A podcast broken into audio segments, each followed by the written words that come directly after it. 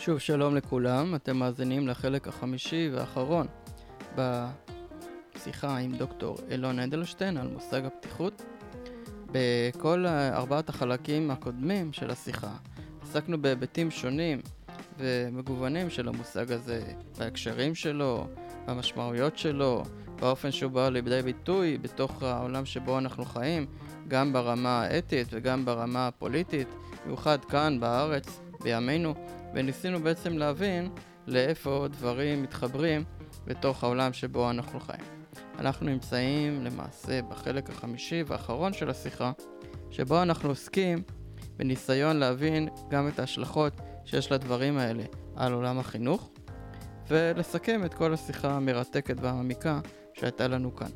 אתם מוזמנים כמובן להאזין לחלקים הקודמים של השיחה ולקטעים ותוכניות נוספות בעמוד שלנו של פילוסופיה גובה העיניים בפייסבוק, בספוטיפיי ובאפליקציות נוספות וגם להיכנס לאתר של הרדיו www.sbcampusradio.com האזנה נעימה.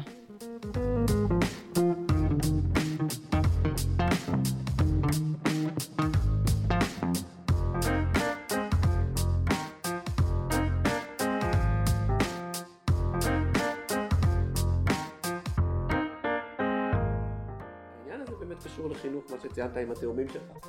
אה, בגיל... סתם דוגמה. סתם דוגמה מקרית, ככה, אה, במקרה הכינותי מראש. כן. אה, כי זה קשור בחינוך מגיל צעיר. כי רגישות מתפתחת בגילים מאוד מאוד צעירים. אם אה, בן אדם חונך למשל לשנוא כלבים כשהוא קטן, אחרי זה יהיה לו קשה מאוד להתהפך קשר עם כן. כלב. או חילונים, או חרדים, או מזרחים. במקום כלבים, תשים כל דבר אחר. כן, אתיופים, או לא יודע. בדיוק. אז אותו דבר, או לפחד מהם. כן. לא, לא רק לשנוא, לא דווקא לשנוא. אז, אה, אז, עכשיו, הטיפוח רגישות זה, זה תהליך, עכשיו יש בזה משהו כזה, להכיר בזה יש, שיש משהו, להרגיש אותו, אה, לדעת שזה לא נורא אם הרגשת אותו, אתה לא מאוים מעצם זה שהרגשת. זה, בגלל זה אני קורא לזה חינוך אסתטי באיזשהו מקום, חינוך ל, לרגישות, חינוך לחוות את הדבר, להרגיש אותו, לשמוע, להקשיב, אה, אה, יש לזה, יש לזה ערך כשלעצמו בסופו של דבר הוא יהיה, אדם, הוא יהיה אדם שהאתיקה שלו, ברמה האתית שלו הוא יהיה יותר עשיר, לא משנה מה תהיה האתיקה שלו, הוא יכול להשאיר את האתיקה שלו באותה רמה, הוא לא בהכרח יהיה אדם טוב יותר מאדם אחר, אבל הוא יהיה, ביחס לעצמו, הוא ירוויח מזה, ולכן זה חינוך מגיל צעיר, וזה, וזה ממש מגילאים מאוד צעירים, וכל הרעיון הזה ש... יש הרבה דרכים ואין רק דרך אחת. אם אתה לא עד גיל מסוים מבין את זה, לא רק שומע את זה בשלטים על הקירות, מבין את זה בלב, עשה לבך חדרי חדרים, זאת אומרת שהלב באמת הצליח לסגל לעצמו, אחר כך זה יהיה קשה. כמה שאתה תגיד אני אדם פתוח, ות... משהו בפנים לא יסכים לקבל את זה שיש הרבה דרכים ושיש עוד ושאחר סובל, לא יסכים ו... וכל הזמן יחפש התנגדויות לדבר הזה, גם אם הוא כאילו זה ידפוק לו על הדלת, הוא יגיד לא, לא, לא, לא, אין כניסה, זה לא שעות הביקור עכשיו, תבוא אחר כך, אני עכשיו בחופש. אה, אה, ולכן החינוך פה מאוד מאוד חשוב. ואני חושב שאחת הבעיות בארץ בעניין של הפתיחות, שאלה אותי גם במפגש, למה? למה אין, למה יש פה בעיה עם, עם נושא הפתיחות בארץ? ולא לא הייתה לי תשובה טובה מספיק לדעתי, אמרתי לה משהו, אבל אחד הדברים ש, שאני חושב זה שזה קשור לדברים בגילאים צעירים, לחינוך של רגישות, של אסתטיות, של אה, גם על ידי הדגמה אישית, כן, אה, שכשהילד רואה את ההורה שיש לו רגישות אז הוא גם, הוא מבין מה זה רגישות, וזה שריר, זה שריר שצריך להתפתח אה, וצריך לשים אותו בצורה פרופורציונלית גם לדברים האחרים, לא שהוא השריר היחיד שקיים ושהוא גונב את כל ההצגה מכל השרירים האחרים ואז יש תופעות של הזדהות יתר עם אובדן חוט שדרה נגיד. אה, ולכן הקטע החינוכי מאוד מאוד חשוב. זהו. עכשיו לעולם הדתי אני חושב עוד, עוד נקודה שלא דיברנו עליה אה, היא הממד הזה של הצניעות אני חושב שמאוד מתחבר לכל תפיסה דתית הממד הראשי של כל תפיסה דתית עמוקה ובטח ביהדות היא הצניעות, היא הענווה. ענווה. והענווה היא דורשת ממך גם לומר באיזשהו מקום שאתה יצור מוגבל, שאתה לא יודע הכל, שאומנם אתה מאמין באמת, אבל לא כל האמת בידיים שלך, גם אם אתה מאמין באמת. אה, וענווה דורשת ממך באיזשהו מקום גם ענווה כלפי הזולת, גם ענווה כלפי דברים שמעבר לך, שאתה, שזה לא אתה, אבל אולי אתה לא מבין אותם עד הסוף. אולי לאלוהים יש תוכניות אה, יותר גדולות ממה שאתה חשבת. כן, אולי התוכניות שלו כוללות גם משהו שהוא שונה ממך, לא רק אה, דגם, שכפול הדגם של מה שאתה מחזיק. והיסוד הזה של הענווה, אני חושב, הוא מפתח בעולם הדתי. הוא מתחבר לרעיון הפתיחות המודרנית. ענווה זה, זה רעיון עתיק ומאוד עמוק, ש, ש, שמה שיפה שהקהילה הדתית משמרת אותו כערך ומה שהקהילה... או לפחות אמורה. כן, כן, דוגלת בו כערך וזה יכול להיות בעיה, האדם המודרני יכול להיות אה, אה, אה, מתנשא, יכול להיות, לחשוב שהוא סוג של אלוהים וכולי, וכאן יש חשיבות מאוד גדולה לעולם האמונה, אבל הוא מיישם את עצמו בסופו של דבר בצורה מרשימה כאשר הוא מתחבר לרעיון הפתיחות. אני חושב שהאנשים כמו הרב פרומן, אני חושב, אה, חיברו את היסוד הזה של הענווה עם רעיון של נכונות להקשיב למישהו אחר גם שנתפס כאויב, ושהוא באמת אויב לפעמים. אה, אה, ויש כל מיני דגמים כאלה, שכשהענווה התחברה לפתיחות, קרה משהו טוב בעולם הדתי, קרה משהו מאתגר ומעניין, שראה את העוצמה דווקא של העמדה של הענווה. זהו, זה, זה עוד נקודה, אני חושב שקשורה גם לחינוך. וגם ל... לעולם האמונה והפתיחות והיכולת לחבר ביניהם. כן, אני רוצה רק באמת אה, גם אולי לקראת סיום וגם בשביל לחבר את הדיון או להמחיש את הרלוונטיות שלו לחיים שאנחנו אה, אה, נמצאים בהם, האקלים הזה, הפוליטי, למשל, באמת בהקשר של החיים ב... במדינת ישראל. אמ, עכשיו באותו מפגש שדיברנו אה, ואמרת אה, מה שאלו אותך בעניין הזה אז אני דיברתי במפגש הזה על העניין של האיום זאת אומרת חלק בלתי נפרד מהחיים במדינת ישראל באופן כללי מהחיים בעולם אבל ספציפית נגיד ישראל זה החיים בתוך uh, תחושה של איום מתמשך או תחושה מתמשכת של איום. זאת אומרת, יש פה מישהו שמנסה להרוג אותה, כן? שלא רוצה שנהיה פה, נגיד. עכשיו, המישהו הזה יש לו מאפיינים. יש לו מאפיינים דתיים מסוימים, יש לו מאפיינים לאומיים מסוימים. עכשיו בואו ניקח את המאפיינים של המישהו הזה, ונגיד, אוקיי, אם נהיה סטריאוטיפים, כן? הערבים רוצים להרוג אותנו, אוקיי? והפלסטינים רוצים להרוג אותנו, לא יודע מה, וואטאבר. אז מן הסתם אסור לנו להיות אה, אה, אה, רגישים למצב שלהם. כאילו, מה, הם אויבים, הוא אויב, מה לעשות? הוא רוצה לחסל אותי, רוצה להשמיד אותי. מה, מה הקשר בין זה לבין אה, זה שאני פתאום... אה, יגיד שלא יודע מה, יש לו כל מיני זכויות, או הוא גם בן אדם, או כל מיני דברים, הם אויבים, זהו, זה, זה הסיפור, כן? אנחנו כאן, הם שם, הם אויבים שלנו, הם רוצים לחסל אותנו וזה. אה, עכשיו לך תתווכח עם העמדה הזאת, כן? לך תתחיל להסביר שזה לא כולם ככה, כן? והם גם בני אדם, ואולי בוא נתחיל לראות את הדברים מנקודת המבט שלהם, נורא נורא קשה לעשות את זה כשאתה גדל על תחושה של איום.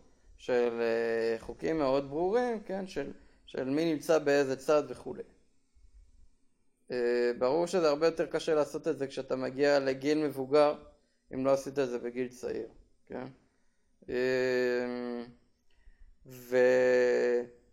וכמובן שהתחושות האלה גם קיימות מהצד השני של הגדר, כן? יש מישהו שמזין את התחושות האלה וגם מרוויח מהן כמובן, אבל אני חושב בהקשר הזה ש... ההכרעות המוסריות שלנו, נגיד האם להיות רגישים, היינו מוכנים להיות פתוחים לסבל של אדם אחר, קשורות לא רק לתחושה של האיום, אלא גם להבנה שהכרעות מוסריות הן תמיד עניין שהוא מתמשך. זאת אומרת, אתה לא מכריע פעם אחת בחיים, וזהו, כן? אלא אתה כל הזמן צריך לקבל הכרעות מוסריות, ולכן אתה כל הזמן צריך לשאול את עצמך שאלות מוסריות.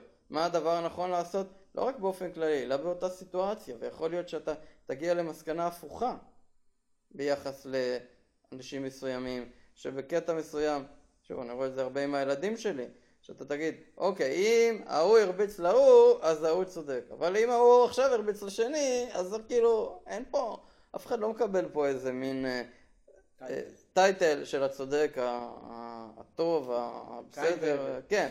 לא, זה תלוי במקרה, זה תלוי באיך התנהגת, זה תלוי בבחירות שלך.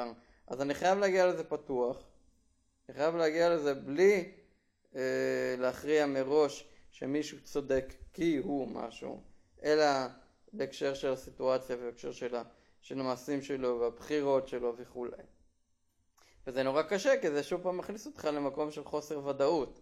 מה, כל פעם צריך לבדוק את זה מחדש? כל פעם צריך לאחר? כן, כן. למה?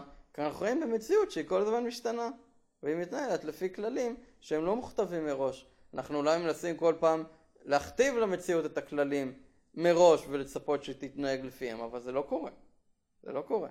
אז הפתיחות היא באמת איזשהו כלי או יכולת להיות רגיש לשינויים, להיות רגיש למצב, להיות רגיש לסיטואציה אה, אה, הקונקרטית שבה אתה נמצא באותו רגע ולהצליח להסתכל עליה באופן שהוא אה, נקי, כמה שיותר נקי.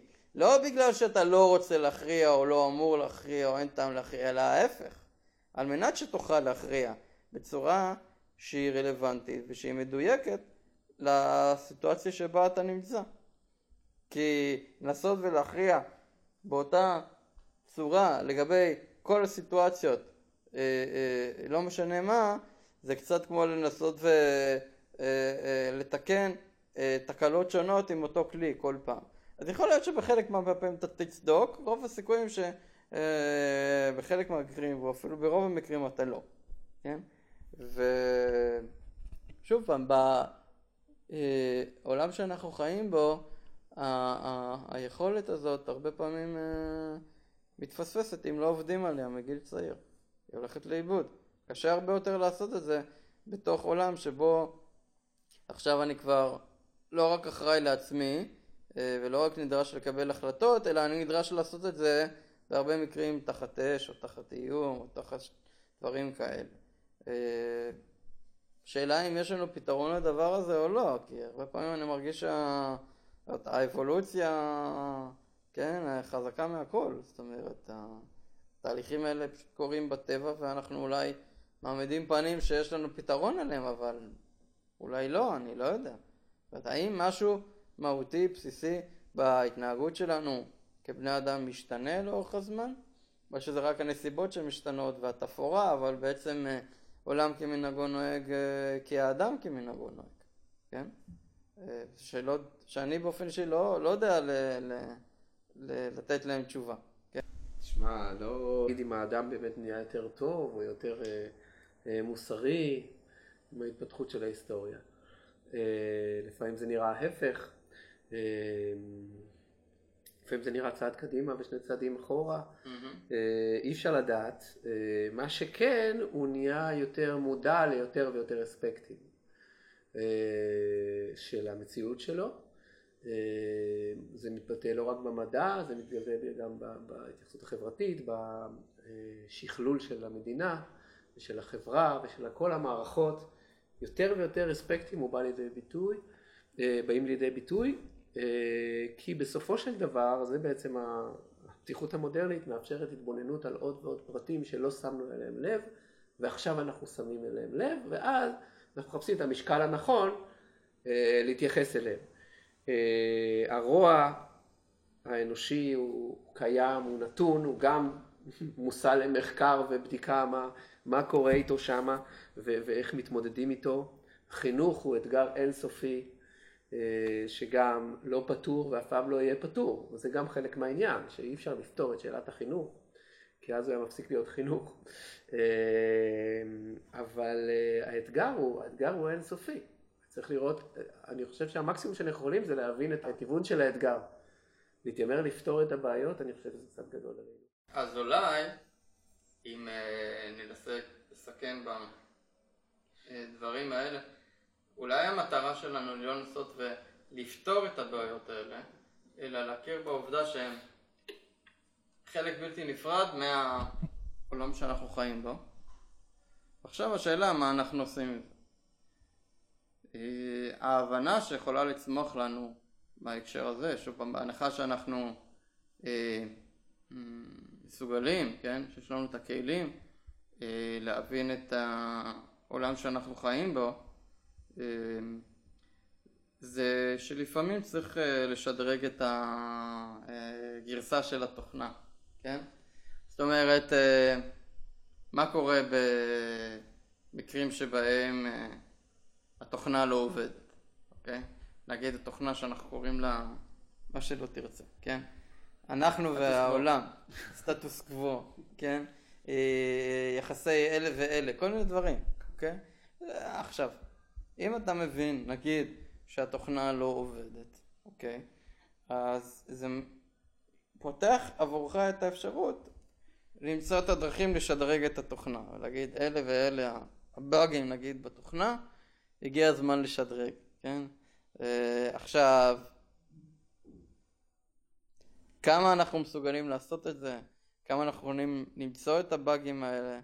Uh, הבאגים של החיים הרבה יותר מורכבים מהבאגים של התוכנה באינטרנט ולפתור בעיות ב, בתוכנות זה... יש דברים שיותר קל להצביע עליהם. זאת אומרת, או שהמחשב עובד או שהמחשב לא עובד, כן? Uh,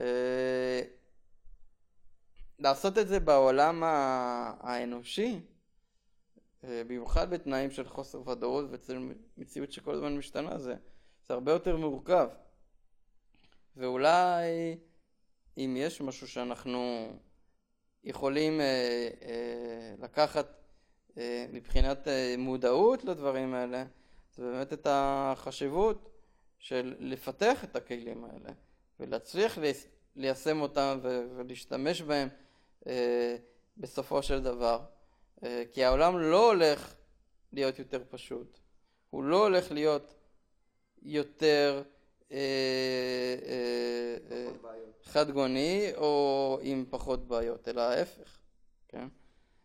מורכבות הבעיות עולה, כמות הבעיות עולה, המודעות גם לבעיות עולה, זאת אומרת הדברים הולכים יד ביד, אני חושב, במקביל.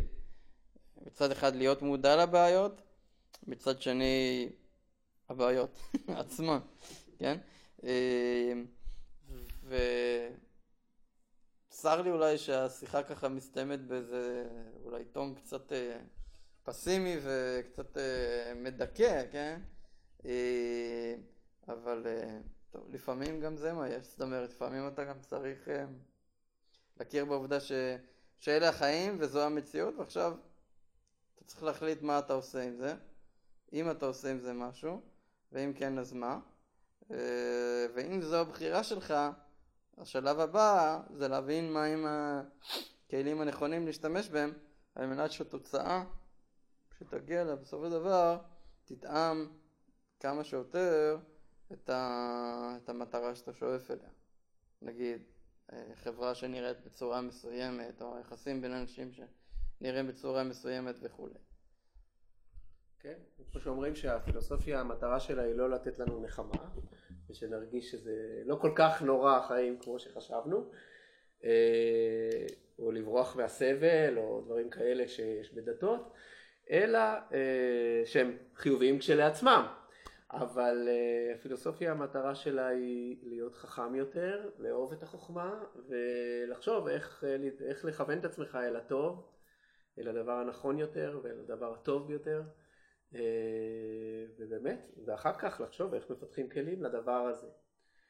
אבל את השאלות הגדולות הפילוסופיה לא יכולה לפתור אותן הלכה למעשה, היא רק יכולה לשאול אותן, ועצם היכולת לשאול היא כבר סוג של מעלה שמאפשרת אה, אה, אתגור והתמודדות. כן, ולנסח אותם בצורה מחודשת לאור, לאור המציאות המשתנה.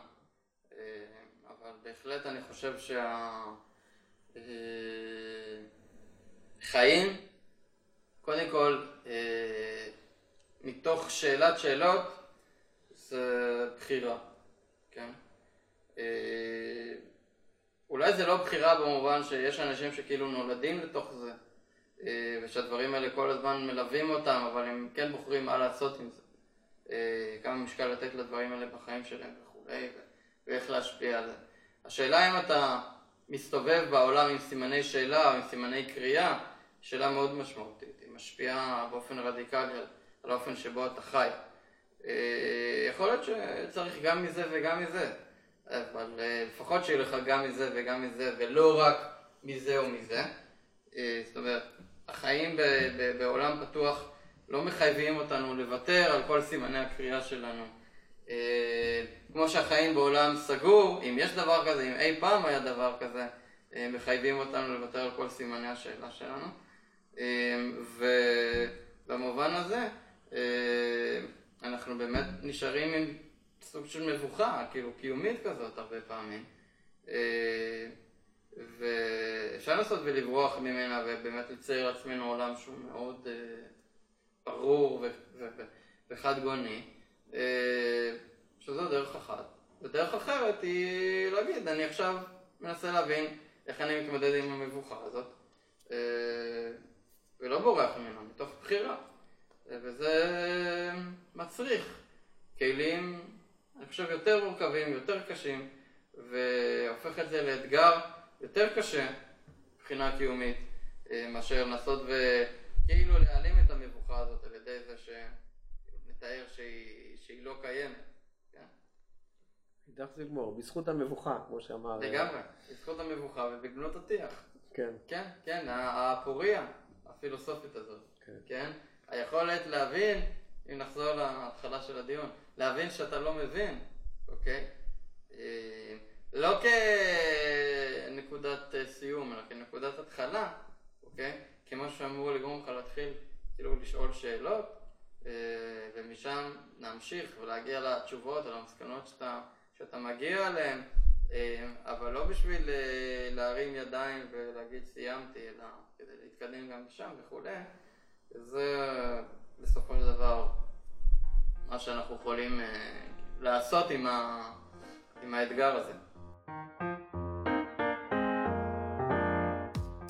זהו, אנחנו סיימנו, זה היה חלקה החמישי והאחרון של התוכנית המרתקת עם דוקטור אילון אלרשטיין על אה, מושג הפתיחות והמשמעויות הרבות והשונות שיש לו לחיים שלנו כאן ועכשיו בימינו אנו.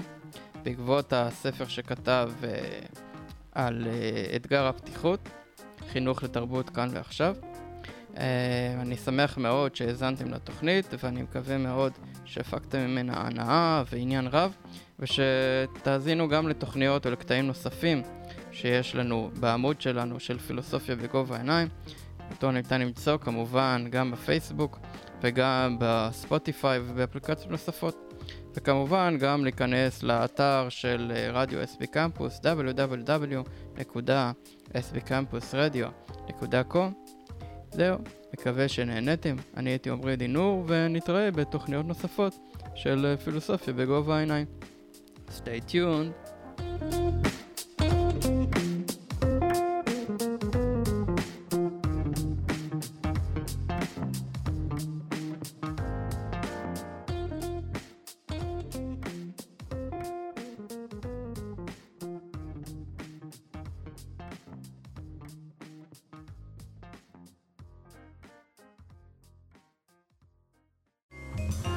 Campus, la meilleure des radios.